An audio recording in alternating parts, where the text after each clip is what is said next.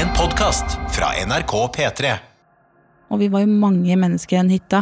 Og akkurat det soverommet vi hadde fått, det hadde da en utsikt rett mot terrassen. Så når man skulle gå frem og tilbake der, så ville jo alle kunne se inn den eh, terrassevinduet. Coming.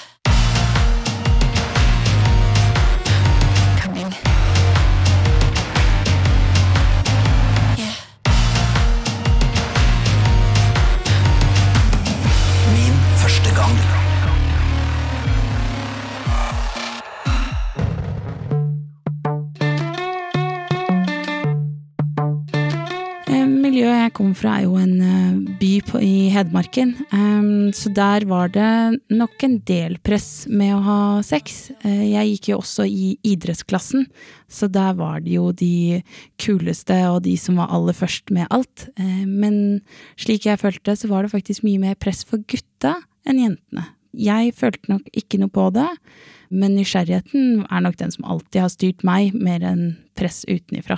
Så det var nysgjerrigheten på sex mer enn at man måtte ha sex for å må og måtte ha det.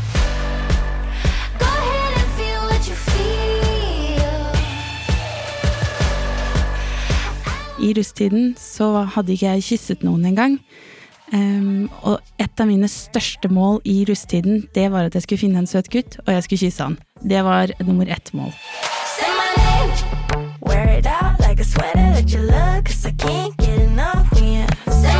Første gang jeg så han, det var på et eh, russetreff.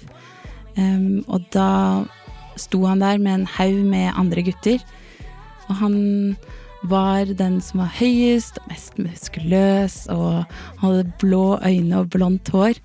Eh, og han var lederen av flokken. Eh, det var han. Så jeg husker jeg tok det litt som en challenge. Det var han jeg skulle kline med.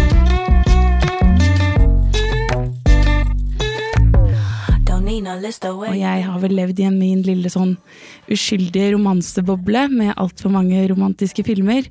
Så min idé av første kyss, eh, det var sånn du ser på film, hvor de ser på hverandre i øynene og så vidt nusser på hverandre og kanskje eh, tar og kysser litt mer. Sånn var det da ikke i rusttiden. Eh, Så da når jeg gikk inn for kysset på mellom alle disse bussene og skulle så vidt gi han dette lille, søte nusset, så har jeg vel i senere tid beskrevet det som i Pirates Caribbean, han ehm, som spiller David Jones der, med alle disse tentaklene som kommer skytende rett mot ansiktet. Veldig mye tunge og veldig mye lepper og veldig mye alt. Så det var ikke noe fyrverkeri i det, men eh, vi fortsatte å se hverandre i rusttiden, og han ville jo gjerne ha sex. Jeg ville nok også gjerne ha sex, men jeg var ikke klar for det med han. Og jeg lurer på om det kommer fra en venninne jeg satt og prata med en gang, som hadde mista sin jomfrudom da hun var 14. Og hun hadde en god del erfaring, og hun sa til meg at det aller viktigste, det var å være forelska i personen du hadde sex med. Det føltes mye, mye bedre.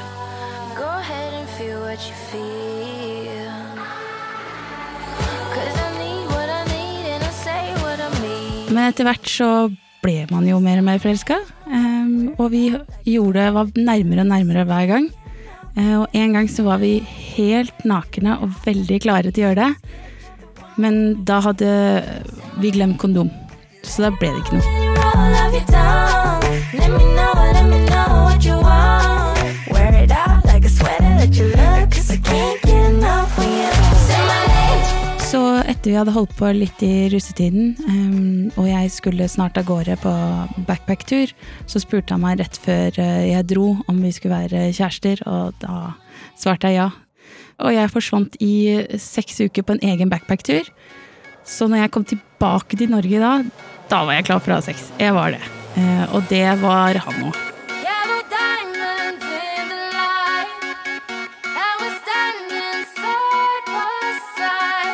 Jeg var blitt invitert til hans familieøy. Eh, Det er da en øy på Sørlandet. Men det var ikke bare oss, det var han og hele familien hans. Inkludert da eh, utvidet familie, så foreldre, søsken og tanter, onkler og søskenbarn. Så det var jo mange på den øya. Og eh, alle var bare veldig glad, for det var jo sommerferie, og det var jo veldig spennende å møte hun nye jenta. da.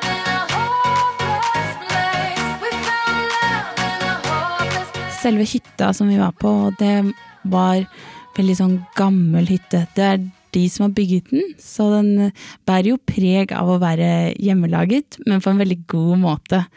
Eh, Så når jeg kom dit, så skulle jeg få lov å bo på soverommet med han. Eh, Da ble vi innkvartert på et lite soverom, og vi var jo mange mennesker i den hytta. Og det var veldig tydelig fra en gang du satte fra deg ting, at du hørte både utenifra at de spilte volleyball, og i stua så lo de av å spille kort, og oppe så var det noen som dunka, så det var ekstremt lytt i hele hytta. Så der eh, hadde jeg ikke tenkt å la noe skje, så lenge det var andre mennesker enn hytta, i hvert fall. Akkurat det soverommet vi hadde fått, det hadde da en utsikt rett mot terrassen. Så når man skulle gå frem og tilbake der, så ville jo alle kunne se inn den eh, terrassevinduet. Og en av dagene når jeg gikk forbi på terrassen og så inn i soveromsvinduet vårt, så skvatt jeg skikkelig, for jeg så et kondom ligge på puta. Og jeg ble så flau, og jeg løp inn til hytta og tok det kondomet og gjemte det under puta. Så tenkte jeg wow, ok, nå har han i hvert fall gitt tydelige signaler hva han vil, eh, men jeg er ikke klar for det, dette med hele familien, så jeg har gjemt det under puta. Og jeg vet at familien skal bort i kveld, så da kommer vi til å være alene på øya. Men eh, jeg var jo livredd for hvem andre kunne ha sett den kondomen. Oh, Og så tar de jo mot kveld, og alle andre har dratt, og det er bare oss. Og det ene leder til det andre, men denne gangen skal jeg ikke glemme kondomet. Så da kommer jeg meg på soverommet og får henta det kondomet.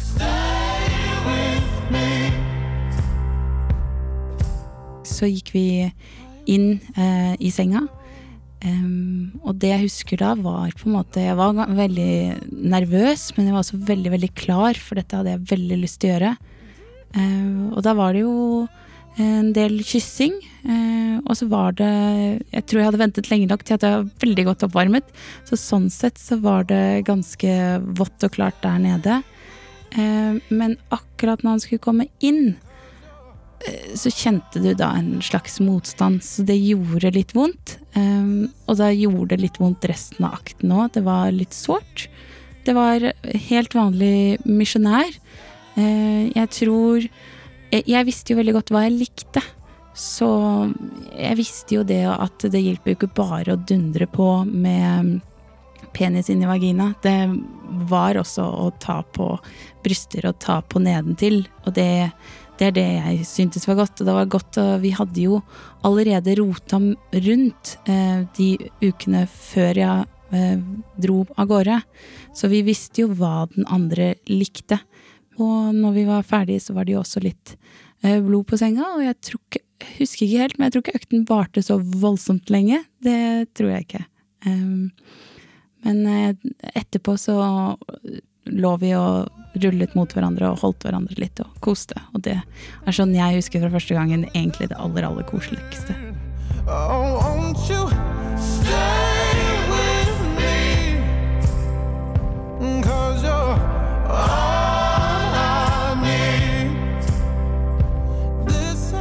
Når vi var eh, ferdige, eh, så så han på meg, og så sa han Wow, jeg er så imponert av eh, deg, for du tok jo så initiativ. At han syntes det var så kult hvor frempå jeg var, som hadde lagt kondomet klart under puta. Og så så jeg på han, og så sa jeg, hva snakker du om nå? Jeg hadde jo ikke gjort klart kondomet, jeg hadde gjemt kondomet fra at du hadde lagt det oppå puta.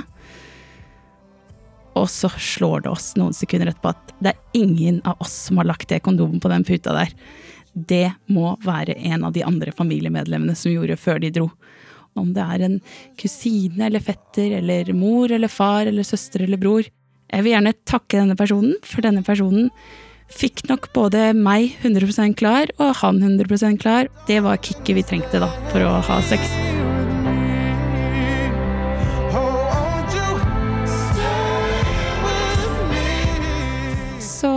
Dette mysteriet har vi ikke helt løst. eh, Men dette her var da fyren som var den første jeg kyssa, eh, første jeg lå med, og til til den siste jeg lå med, for vi er fortsatt sammen nå ni år senere. Jeg har jo også hørt folk som har spurt meg om Hvis dette er den første du har kyssa, eneste du har kyssa, eneste du har hatt sex med, eh, hvordan vet du at det er godt? Du har jo ingenting å sammenligne med, ingen sammenligningsgrunnlag. Men eh, jeg vet jo hvor godt det er. Eh, Det er jo kjempegodt. Og så tenker jeg at eneste sammenligningsgrunnlaget jeg vil få, er enten at det er god sex eller dårlig. Og da tror jeg sannsynligheten for å få en ny erfaring vil være da at den er dårlig i forhold.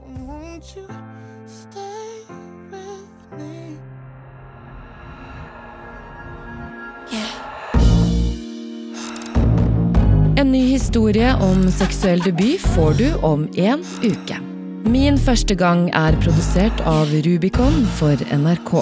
Produsent Ingrid Torjesen, research Ebba Skjølberg Eiring, lyddesign Viljar Losnegård og redaktør i NRK Jan Egil Odland. Du har hørt en podkast fra NRK P3. Hør flere podkaster i appen NRK Radio.